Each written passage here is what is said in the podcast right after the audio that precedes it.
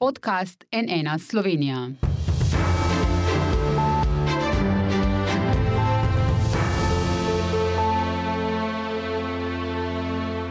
Dobro dan, to je NN studio. Eden od prvih večjih izzivov nove vlade, ki je prisegla prejšnji teden, bo zagotovo krotenje posledic inflacije, ki bo očitno izrazitejša in dolgotrajnejša, kot je sprva kazalo. Cene hrane in energentov se ne bodo umirile, jesen bo negotova. Slovenski nepremičninski trg medtem ponovno kaže znake prikipevanja. To je v svoji podrobni analizi za časnik finance ugotovil tudi naš današnji gost, profesor dr. Marko Pahor z Ljubljanske ekonomske fakultete fakultete. Dobro dan, dobrodošli v tem studiu. Na zadnji ste bili tu oktobra lani. Ne? Takrat ste napovedali, da naslednje slovenske vlade ne čaka nič lepega. Citiram: Če bo še tako dobra, verjetno ne bo puščala lepega vtisa, vsaj prvo leto ali dve. Zdaj, profesor Pahor, takrat se nam o vojni v Ukrajini ni niti sanjalo. Ne? Kaj bi rekli danes, bi to svojo napoved še zaostrili? Ja, zagotovo. Ne. Zdaj, po, po nekih uh, kazalnikih, premije uh, Golop ne, je ob uh, nastopu vlade rekel, ne, da bo to najboljša vlada. Ne. Zdaj, po, po nekih objektivnih kazalnikih, morda temu je tako. Zagotovo je najbolj inženirska vlada, ne, tudi najbolj električna vlada, uh, glede, uh, glede na, na sestavo. Uh, Ampak, ja, zdaj po, po rezultatih uh, se bo ta vlada, vsaj v prvih dveh letih delovanja, zelo težko izkazala kot najboljša vlada. Uh, zagotovo gospodarska rast bo nižja, inflacija bo, bo višja, uh, verjetno tudi proračunski deficit bo nekaj časa še ustrajal in, in to celo verjetno brez tega alibija, ki ga je imela odhajajoča vlada, uh, blaženja posledic ekonomske krize. Skratka, to vlado zdaj čaka eno zelo, zelo težko, de, težko delo, uh, ki bo ne na zadnje res tudi, tudi nehvaležno. No. Standard bo padal ljudem. Ne. To uh -huh. je pač posledica tudi ekonomskega cikla, v katerega zdaj prihajamo. Uh, zelo težko je, da se bo zdaj rast nadaljevala, sploh ne s takimi stopnjami. Uh, inflacijo imamo, realni standard pada. Uh. Zdaj, ja, če primerjamo lanske letošnje cene osnovnih potrebščin, kruh se je podražil za 18 odstotkov, jajca za 13, olje za 44, mleko za 18 odstotkov, eh, k rekordni 8,1 odstotni inflaciji so najbolj prispevale podražitve energentov, plin stane 37 odstotkov več, benzin 30, povprečna neto plača pa se je v tem času dvignila le za 1,2 odstotka. Kakšne trende eh, lahko pričakujemo na področju teh cen? No, zdaj treba tudi nekaj upoštevati. Ne. V času samostojne Slovenije, ne, se pravi v treh desetletjih samostojnosti, se je standard prebivalstva Slovenije več kot podvojil. Uh -huh. uh, da, cene hrane so bile dejansko še v času pandemije zgodovinsko rekordno nizke, glede na prihodke. In ko si ti na zgodovinsko zelo nizkih. Uh, Vrednostih, ne, je praktično edina, edina pot na vzgor. Uh, Je pa res, no, da zdaj se je tudi zaradi uh, geostrateških uh, dogajanj tukaj pravzaprav en cel kup vplivov. Zdaj, seja, vojna v Ukrajini je trenutno najbolj akutna, ki se draži uh, tako energente kot uh, tudi hrano. Zdaj, um, Rusija, pa tudi Ukrajina sta zelo pomembne proizvajalke hrane, sploh. Tega tipa hrane, ki ga uh, zaužívamo v Evropi, skratka, gre za pšenico in podobno. Mm -hmm. Uh, tako da se, ja, to, to zelo vpliva na cene, ampak to se je zdaj naložilo seveda, na uh, posledice korone. Uh, tukaj, pri, zaradi uh, korona krize, je prišlo do uh, prekinitve uh, globalnih dobavnih verig, do prestrukturiranja globalnih uh, verig. Tudi epidemija na globalni ravni, pandemija, še zdaleč uh, ni zaključena, uh, verjetno spremljate zdaj novice. Uh, kaj se dogaja na kitajskem, zaprtja, seveda, to so spet uh, nove disrupcije uh, svetovnih prevozov, ki se to uh, povzroča pritiske na cene. In pa tle še eno dogajanje, ki je mogoče malo v zadju, in to je sicer trgovinska vojna, ne, predvsem med uh, ZDA in Kitajsko, ampak seveda so tle umešane, seveda na strani ZDA, tudi ostale zahodne države, med njimi Evrop, Evropa in Avstralija. Medtem ko recimo na strani Kitajske ne, najdemo uh, predvsem azijske države, ne, recimo tudi Indija je mogoče malo bolj na tej strani, Rusija ne na zadnje. Ne.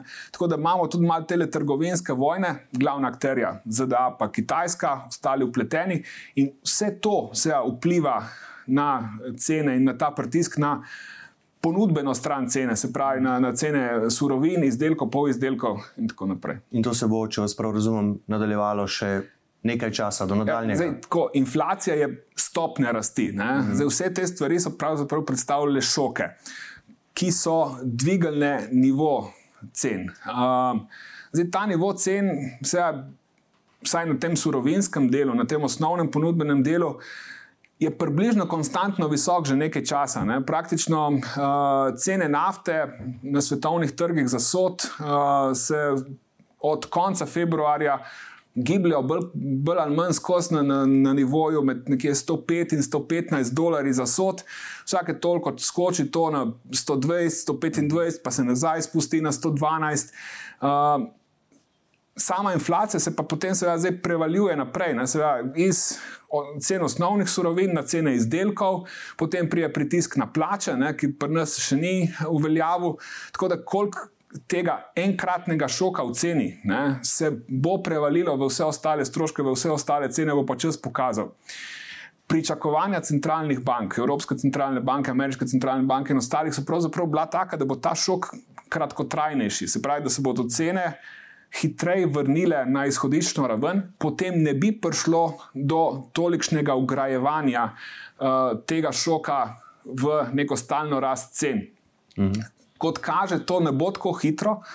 Um, saj, sicer, kar se nafte tiče, uh, sicer vse kaže na to, da naj bi se cene nekoliko umirile, seveda ne bomo se uh, prišli na tiste nivoje iz, iz, iz leta 2020 ali 2021, ampak nekje pričakuje se, da bi postopoma cene lahko padale tja do pomladi naslednjega leta, dokler eh, približno so neki aktivni uh, terminski trgi. Šle cene za sod tja nekje proti 80-85 dolarji, to so recimo uh, 9-mesečna, 12-mesečna pričakovanja. Uh, po drugi strani je seveda tle plin, ne, kar se energentov tiče. Uh, Za tega pa pravzaprav se pričakuje ustrajanje na visoki ravni, morda jeseni celo povečanje ravni, se pravi, šestmesečne terminske pogodbe za plin so pravzaprav više od trenutne cene uh, za plin uh, in se dejansko do naslednje pomladi, se pravi, skoraj leto od zdaj, ne pričakuje umiranja. Ne. Pri plinu, seveda, sploh v Evropi je še ta problem, da so seveda, zelo prešljive tudi dobave. Um, dejansko Evropa je res zelo odvisna količinsko od uh, dobav iz Rusije preko plinovodov. Pa zdaj še ta embargo? Ne? Embargo na nafto, trenutno, trenutno na plin, ne, ne, ker se vsi zavedajo tega, da tle enostavno kapacitet na kratek rok. Uh mhm. Ni, ni dovolj plinskih terminalov, ni dovolj plinskih tankerjev, da bi nadomestili ta izpad. Ne. Ja, ni plana B. Zdaj, nova vlada Roberta Goloba napoveduje intervencije, sestanke s trgovci in proizvajalci, ministri govorijo, se mi zdi, da predvsem finančni in gospodarski. O porazdelitvi bremen. Koliko manevrskega prostora je tu v resnici za vlado, koliko in kako lahko pomaga, da ne bo začela škoditi trgu? Marže, tako proizvajalcev, kot seveda tudi trgovcev, so najbolj varovana poslovna skrivnost. Ne. Nekaj mm. tega se odkrije. Konec leta v poslovnih poročilih, ko se vidi, kakšni so dobički, ampak seveda, sploh pri mednarodno povezanih uh, podjetjih je tisti dobiček počrto pač obračunska kategorija, ki je malo odvisna od tega, kakšni so nekje davki. No, zdaj, pri nas mogoče ni toliko tega, ampak glede na to, kakšne so dobičkovne marže, se pravi, koliko čistega dobička podjetjem ostaja. Uh, Bi rekel, da prav veliko prostora tukaj za zmanjševanje uh, cen uh, in marš trgovcev ni. Nekaj, seveda, je, ne? kakšno odstotno točko, dve na inflaciji, bi verjetno s to vrstnimi dogovori bilo mogoče narediti. Uh, glede na to, kaj se je dogajalo s cenami surovin, kaj se pa dogajalo dejansko z maloprodajnimi cenami, uh, pa lahko ugotavljamo, da je en velik del tega šoka na, na strani ponudbe surovin, uh, celotna veriga od proizvajalcev, predelovalcev do trgovcev, že absorbirala. Zdaj, v mhm. pričakovanju, da se te cene, da se bodo umirile hitreje, kot se dejansko umirajo. Uh, Uh, in šele zdaj, šele z nekim zamikom, ne, se je prišlo do, do dvigov uh, maloprodajnih cen. Zdaj, koliko je tle prostora, ne? zdaj verjetno vlada z enim dogovarjanjem, ne? lahko morda res sklene vsaj to, ne? da se te cene ne bi toliko dogovarjali, zdaj pa pričakovati, ne? da se bodo pa uspeli s kakršnim koli dogovorom dogovoriti na to, da bodo pa cene bistveno nižje ne? ali pa bistveno zaostajale za tem, kar se dogaja na vhodnih trgih, je pa seveda iluzorno, ker prostora tukaj ni, gre za gospodarske družbe, odgovorne so svojim lastnikom, enostavno ne gre. Vaš kolega, profesor z ekonomske fakultete, dr. Sašo Polanec, je za tarčo dejal prejšnji teden, da ukrepi, ki subvencionirajo nižje cene naftnih derivatov ali elektrike, lahko na dolgi rok stanejo preveč. Bolj smiselno bi bilo po njegovem pomagati tistim z nizkimi prihodki, torej bolj ciljano, ne pa vse počes. Recimo na sosednjem Hrvaškem so ravno danes sporočili, da znižujejo marže, pa tudi trošarine, da bi omejili nadaljno rast cen pogonskih goriv. Vi delite mnenje kolega Polanca? Ja, se, se tudi uh, sveja. Uh, na, na dolgi rok uh, je nevarno iti s sistemskimi ukrepi reševati posamične probleme. Zdaj, če je res tukaj problem socialne ogroženosti, je boljš tukaj uh, povečati vlogo uh, socialne države. Uh, Recimo, tukaj je predstavil ministr za finance, nov ministr za finance. Mislim, da tole kar uh, v redu predstavil strategijo, se pravi, široko paleto ukrepov, od posameznih do sistemskih, uh, tudi zelo jasnim ciljem, to, da bodo posamični ukrepi, tisti, ki so recimo ciljeni na najbolj ogrožene, na najranljivejše. Jasno definirani kot enkratni ukrepi, da se ne bodo sistemsko ugrajevali, In uh, tukaj mislim, da je uh, to pravi pristop. Uh -huh. um, Prma, kar se goril tiče, ja, tukaj je trošarine uh, ponujajo največji uh, prostor, največ manevrskega prostora uh, vladi. Uh, že zelo zgodaj, recimo Mačarska je to zelo zgodaj uh, uh, uveljavila, uh, ima recimo tle med sosednjimi državami trenutno najnižje trošarine. Uh, pri čemer so bile, recimo, preden je prišlo do te krize trošarine eh, med temi državami, dokaj enako vredne. Recimo, zdaj so mačarske trošarine na tretjini slovenskih. Uh, tako da tukaj ima država najbolj neposredno možnost, da to uravnava. Uh, ampak se ja, zdaj. Če ti nižaš trošarine, ne, uh, se ja pomagaš tistim, ki so najbolj odvisni od goriv. Uh, zdaj, verjetno naj, največjo korist od tega bodo imeli avtoprevozniki, ampak se ja, s tem pomagaš vsem. Torej, če avtoprevozniki nimajo uh, višjih stroškov, se ja, potem tudi teh stroškov ne, pre, ne prenašajo naprej in se ja, je pritisk na cene manjši. Ne? Tako da je treba to v, v celoti vzeti. Če greva k stanovanjem, zelo pri, pri, izpostavljena prioriteta nove koalicije. Vi ste v petkovi analizi nepremičninskega trga za finance ocenili, da smo spet v nepremičninskem balonu. Zakaj? Uh, balon katerega koli sredstva presojamo tako, da gledamo, kako raste cena tega sredstva v primerjavi z temeljem za to ceno. Recimo, če bi vzeli primer balon na uh, delniških trgih, ne? Zdaj, kaj je temelj za ceno delnic, to so bodoči uh, pričakovani dobički podjetij. Ne? Z ustreznim diskontnim faktorjem, prevedeni na današnji čas. Če gremo zdaj na uh, trg nepremičnin, ne? kaj je zdaj temelj? Uh, ko ti kupiš nepremičnino, ne, um, imaš se, poleg tega, da imaš korist uh, od tega, da bivaš, ne, uh, jo kupiš bodi si z namenom, zato, da jo boš oddal in od tega dobival najemnino, ali da jo boš dražje prodal v prihodnosti. Uh, se pravi, kar ti pričakuješ, ne, ko plačeš neko ceno, je, da bodo prihodki rasli realno. Zdaj, če cene nepremičnin, kar se zdaj v Sloveniji dogaja že zadnjih 5-6 let, prehitevajo rast realnih dohodkov gospodinstv, tle so predvsem plače, ampak realni mm. dohodki so potem tudi pokojnine, dividende in vse ostale stvari. Če to dalj časa prehiteva, ne, v, nekem, v nekem trenutku pride do tega, da je realna cena sredstev, v našem primeru nepremičnin, večja od sposobnosti prebivalstva, da plača.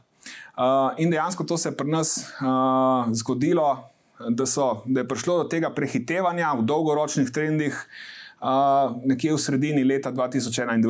Uh, in seveda, že od začetka 2021 je, je tale rast, uh, okrog 15, rast cen nepremičnin okrog 15% letno. Realno na nivoju celotne Slovenije seveda, so regije, kjer je to še hitreje, regije, kjer je to malo počasneje. Uh, in seveda, uh, to pomeni čistko statistično, definicijsko, da smo v balonu. Mhm. Uh, je pa ta balon, recimo na zadnje, ko smo ga opazovali, uh, tam med, med leti uh, od začetka 2006 do sredine 2008, uh, trajal približno leto pa pol. Preden se je to uh, preveslo na vzdolj, zdaj pa recimo traja šele tri četrt leta. Ne. Ja, takrat je potem uh, začel ne, izrazito puščati, ne, in do leta 2013 so potem nepremičnine izgubile, izgubile za četrtino uh, realne vrednosti. Uh, kaj pa lahko pričakujemo tokrat, kdaj bo začel ta balon puščati, to je verjetno težko reči.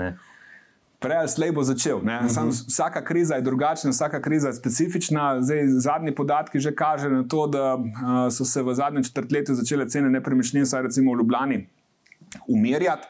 Uh, zdaj, Seveda, več stvari se tukaj dogaja. Uh, eno je seveda, uh, inflacija, ne, ki uh, zavira sploh realno rast cen. Uh, druga stvar, uh, tukaj je malo mal ta negotovost, pričakovanje krize, uh, višji stroški, ki se ja, odvračajo ljudi. Uh, predvsem pa je tukaj zelo pomembno to, da so se začeli uh, krediti držiti. Ne. Uh mhm. -huh. Nekaj, kar je zelo poganjalo cene nepremičnin, uh, so bili tudi ugodni, uh, zelo, zelo ugodni krediti.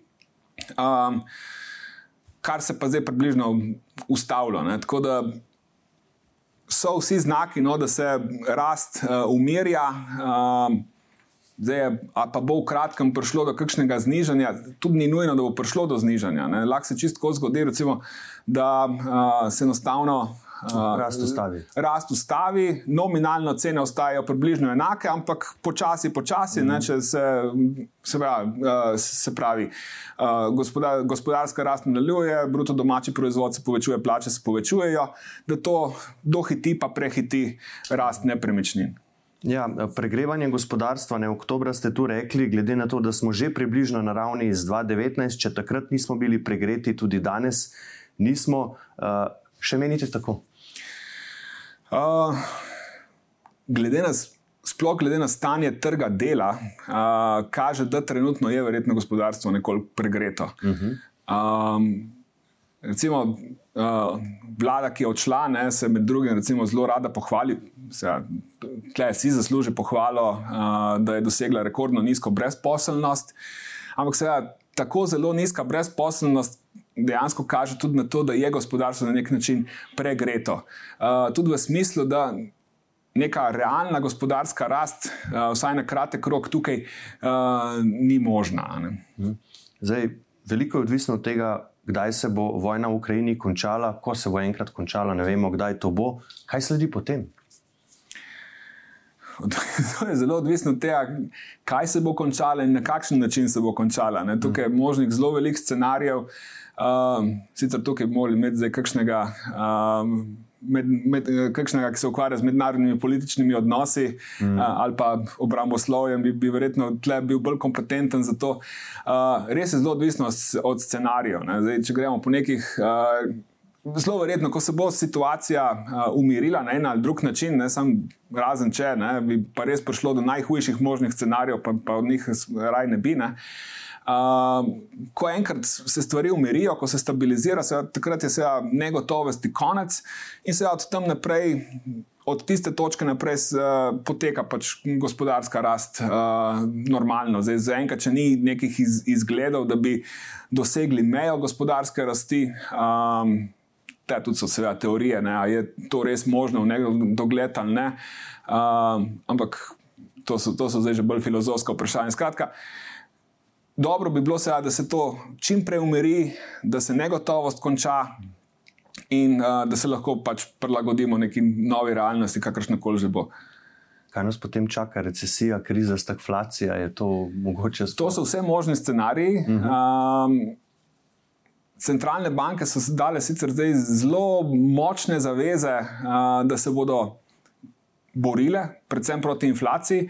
Zdaj, ekonomska zgodovina zadnjih nekaj desetletij, no, ali pa recimo po drugi svetovni vojni, se uči, da ko pride do nekih teh sočasnih pojavov uh, inflacije in, in nizke gospodarske rasti, da se prava pot to, da najprej zatreš inflacijo. Ker dokler ti mm. inflacije ne spraviš pod kontrolo, se tudi neka gospodarska rast in neki te ukrepi uh, niso mogoči. Tako da tle so zelo pohvalne zaveze centralnih bank. Uh, verjetno upravičeno, no so pa uh, najdemo številne kritike. Tega, da uh, morda te zaveze se še ne udejanjajo dovolj, da je več govora kot dejansko dejanj. Sicer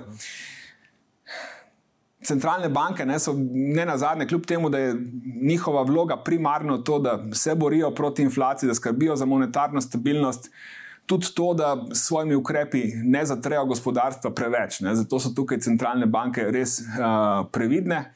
Um, ampak, glede na to, kaj se dogaja no, zdaj, z, z temi cenami, nekaj, nekaj časa inflacija še bo, um, tudi bo nekoliko višja. Ne. Zdaj, dolga leta, recimo, je bil ta cilj dve odstotni točki. Zdaj, verjetno bomo v dogledni prihodnosti, vsaj tam nekje do 24-25, nad tem, ne, se pravi, če bo pod pet ali pa recimo tam 3-4, uh, bo to že kar velik uspeh, ker ne glede na to, ta šok je povzročil en, en velik šok, bil je predolg, ni se umiril, uh, se pravi, to se mora zdaj odvrteti uh, skozi plače, ponovne cene in tako naprej, da, da se stvari umirijo. Uh, ko, bo, ko bo to pod kontrolo, potem pa, pa spet z ukrepi. Ampak, kot vedno, vsaka kriza je drugačna. Ne? Še nobena kriza ni gospodarstev, držav, vlad um, dočakala v tako visoki stopni zadolženosti, v tako visokih stopnjah javnega dolga, kar spet na nek način omejuje manevrski prostor oziroma jemlje določena ekonomska orodja iz rok centralnih bank in uh, držav. Ampak Do zdaj so bile države in centralne banke vedno zelo inovativne, so našle nove orodja in verjetno tudi tle še prostora za inovativnost. Zdaj vprašanje, kako se bo s tem spopadla nova koalicija. Zdaj, koalicijska pogodba je sicer zelo obsežna, ampak tudi zelo splošna, brez ocen finančnih učinkov ukrepov, spisana je za dva mandata, pravijo. Vi ste že ocenili, da je veliko prioriteti sporozuma javno-finančno dragih in zato verjetno neuresničljivih. Tudi fiskalni svet je prav danes sporočil, da je kritičen do nedorečenosti pogodbe in do možnega povečanja izdatkov, ki bi lahko bilo obsežnejše od večanja prihodkov. Celo ne, število predvidenih ukrepov je na strani izdatkov skoraj šestkrat večje od ukrepov na strani prihodkov, pravi fiskalni svet. Je torej to največje tveganje tega koalicijskega sporazuma? Zdaj, eno zelo veliko tveganje, ne, če gledamo z vidika stabilnosti vlade, oziroma vsaj te sestave vlade, je to, da so v, v velik zavez, ki so zapisane v koalicijsko pogodbo uh, in ki so uh, zelo jasno prioriteta najmanjše izmed partneric v tej koalicijski pogodbi. Levice. Tako je. Uh, da so dane precej močne varovalke, ne? skratka, tudi to, koliko bo uh, fiskalna uh, situacija to dopuščala. Uh -huh, uh -huh. Se pravi, ta koalicijska pogodba ima ogromno možnosti za to, da pač pride do uh, spora med partnerji, ne? ker uh, seveda, levica lahko prije po svoj račun in reče: Evo, to smo zdaj zapisali v koalicijsko uh -huh. pogodbo. Ne? Um, ampak se ostali dve partnerici rečejo, da ja, smo zapisali če bo to nujno potrebno. Uh -huh. uh, in se potem lahko, uh, kot je že iz sporazuma v času Šarčeve vlade, levica pač odkoraka ven iz te vlade, ker se njen program ne uresničuje. Torej, če vas prav razumem, je spor že nekako ugrajen v to koalicijsko pogodbo na nek način. Ne? Na nek način, sej to nikoli ni ja. nujno, je pa ogromno prostora za to, da do njega pride. Ja. Ja, tudi rekli ste, ne, da je koalicijska pogodba ekonomsko gledano veliko bolj leva in manj sredinska, kot bi na prvi pogled odražalo razmerje glasov stran Gibanja Svoboda, SD in Levica, ampak so potem strahovi gospodarstva upravičeni, to, kar smo slišali takoj po objavi tega besedila v javnosti.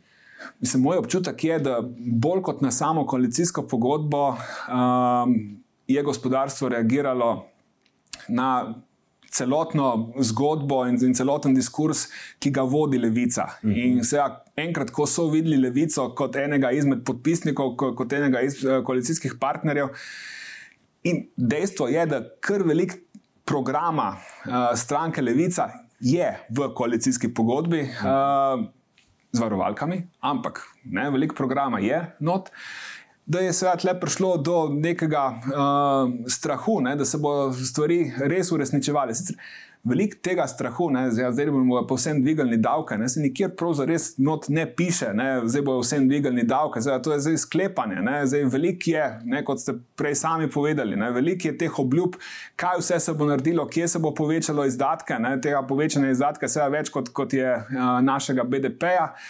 Uh, ne, se, upravičeno je, nekje bo treba ta sredstva dobiti. Mm. Uh, in se, zdaj, kje ne bi država to dobila, ja, na, na strani davkov. Ne? Ampak prav veliko prostora tukaj ni. Zdaj, Slovenija, kar se davkov tiče. Je nekje pravzaprav v povprečju, ne, ne izstopa prav, prav preveč. Zdaj, če gledamo res objektivno analizo, Slovenija prav zelo ne izstopa um, glede tega. Um, je recimo relativno visoko pri um, kar se prispevkov tiče, na plače, mm. na in iz plač, ne, se pravi, socialne prispevke, tukaj predvsem so to pokojnine uh, ter uh, zdravstveno zavarovanje, tukaj je Slovenija visoko, uh, po drugi strani Slovenija zelo nizko na pridavkih na premoženje. Uh, mm. Ampak vse, to, to je vedno odločitev neke družbe, spravi, koliko bo uh, urejala na ravni družbe, koliko bo pa prepuščala posameznikov. Zdaj, Evropa na splošno no, je zelo. Uh, Prosocialno usmerjena ne, država, rada skrbi za vse, veliko je uh, javn, javnega financiranja, tudi če ni vedno uh, javno izvajano. Uh, zdaj, po drugi strani, recimo uh, ZDA, Južna Amerika, tudi Azija, ne, so, so pa načeloma precej bolj, je vse skupaj prepuščeno uh, posameznikom. Uh, Um, ampak tako, po vsem, po vsem plačilu, ne, nekdo, če ne, želi biti ustrezno, ustrezno varnost zagotavljati, uh, je to povsod drago. Je to povsod drago mm -hmm. Sam pri nas je to obvezno drago, ne, recimo v ZDA je, je pa drago potem. Ne. Opcijsko. Da, uh, seveda, uh, levica je bila tista, ne, ki je vse čas poudarjala. Eh, da je pač premoženje v Sloveniji podobdavčeno in zato, verjetno na njihovo ustrajanje, tudi po informacijah, ki imamo, se je pač eh, v koalicijski pogodbi znašla napoved možnosti uvedbe progresivne obdavčitve premoženja, ampak profesor Pahor, glede na napovedi in tudi pojasnila predstavnikov nove vlade v javnosti, trenutno sploh ni jasno, kdaj in kako bi lahko dobili eh, to obdavčitev. Je vam iz teh pojasnil kaj bolj jasno, kako bo ta davek, kako bi bil ta davek videti? Uh, progresiven davek na premoženje je nekaj, kar je v svetu zelo redkega. Ne? Zdaj, glede na to, da mi niti nekega zelo učinkovitega, dajmo zdaj govoriti samo o nepremičnem premoženju. Ne? Mi nekega zelo učinkovitega sistema uh, za obdavčevanje nepremičnin trenutno nimamo. Bilo je kar nekaj poskusov uvedbe davka na nepremičnine, vsi so bili neuspešni.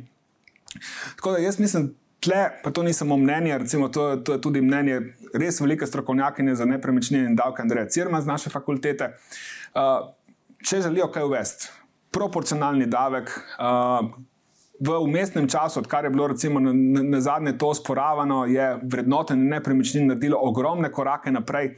Uh, te, to vrednotenje, je, ki ga ima geodetski urad, je zdaj že zelo, zelo zanesljivo, zelo dobro odraža dejanske, dejanske cene. Bi prestalo ustavno presojo? uh, verjetno, ja. Nisem ustavni pravnik. Ne bi bilo to problem. Ne? Nisem ustavni pravnik, ja, ampak dejansko so, so se s tem zelo, zelo izboljšali in, in je zelo dober.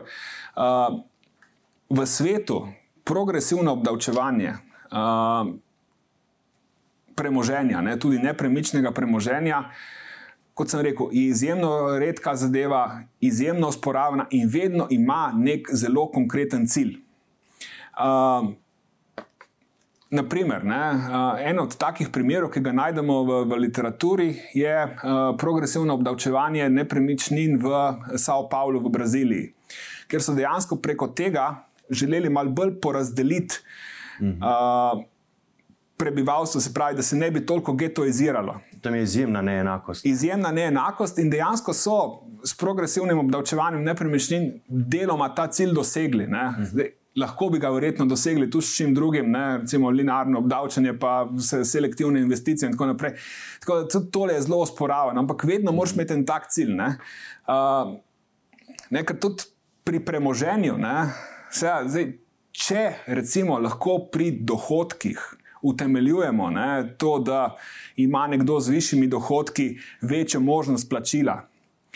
To pri premoženju seveda ni nujno res. Ne? Nekdo ima lahko zelo vredno nepremičnino, ampak zelo nizke dohodke.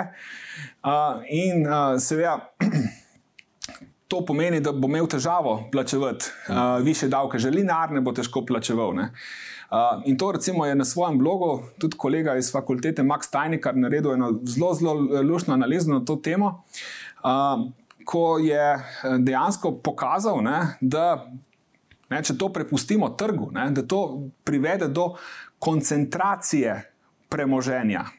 Uh, kaj ti, če si ti prisiljen za to, da plačaš davke, oziroma če si ne zmožen plačati davke in si zato prisiljen prodati svojo nepremičnino, lahko to kupi samo nekdo, ki je bogatejši od tebe. Uh mhm. -huh. Se pravi, zelo velik delež nepremičnin bo seveda uh, potem končal v rokah še bogatejših in bo prišlo ne v nasprotju s tem, kar mogoče ne, levica tukaj želi doseči, uh, prišlo do povsem nasprotnega učinka. Bomo videli, kako se bodo lotili tega, kako in kdaj. Uh, če prvih potez nove vlade, seveda, ni prav veliko, velika večina je kadrovanje. Uh, tiste klasične ne, obveščevalne službe, policija, državni sekretarji, generalni po ministrstvih in tako, tako naprej, ampak tudi tokrat v nadzornih svetih družb ELES, Borzen, Sodo, DRI. Eh, če bi bila kakšna druga vlada, bi verjetno govorili o kadrovskem cunamiju, eh, nekako prihajajo opozorila iz eh, zdajšnje nove opozicije.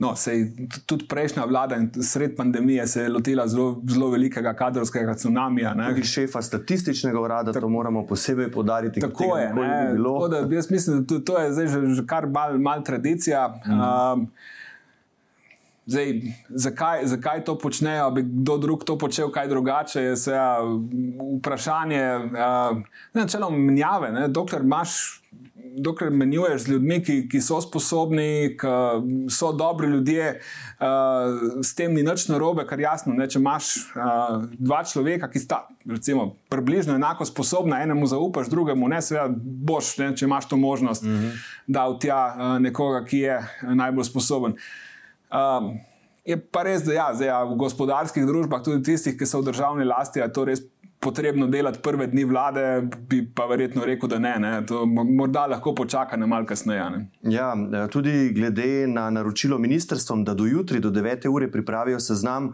vseh zaposlitev in napredovanj v obdobju od 1.1.2020 do danes, ta poteza je dvignila kar nekaj obrvi.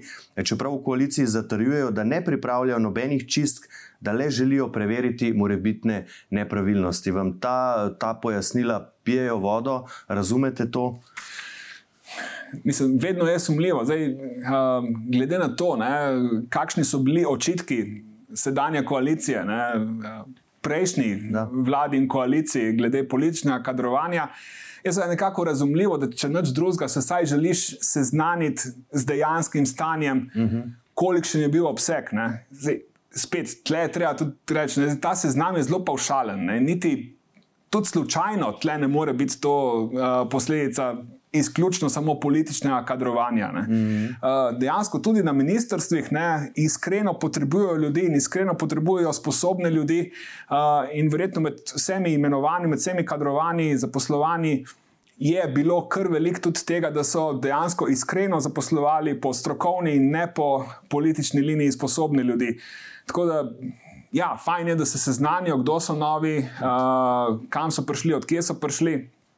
Ampak, ja, da bi bila to kakršna koli podlaga za kakršne koli čistke, uh, bi bilo pa seveda zelo slabo, tudi zelo slab signal za naprej. Ja, bomo videli, kako se bodo tega lotili. Vsekakor bomo pozorno spremljali.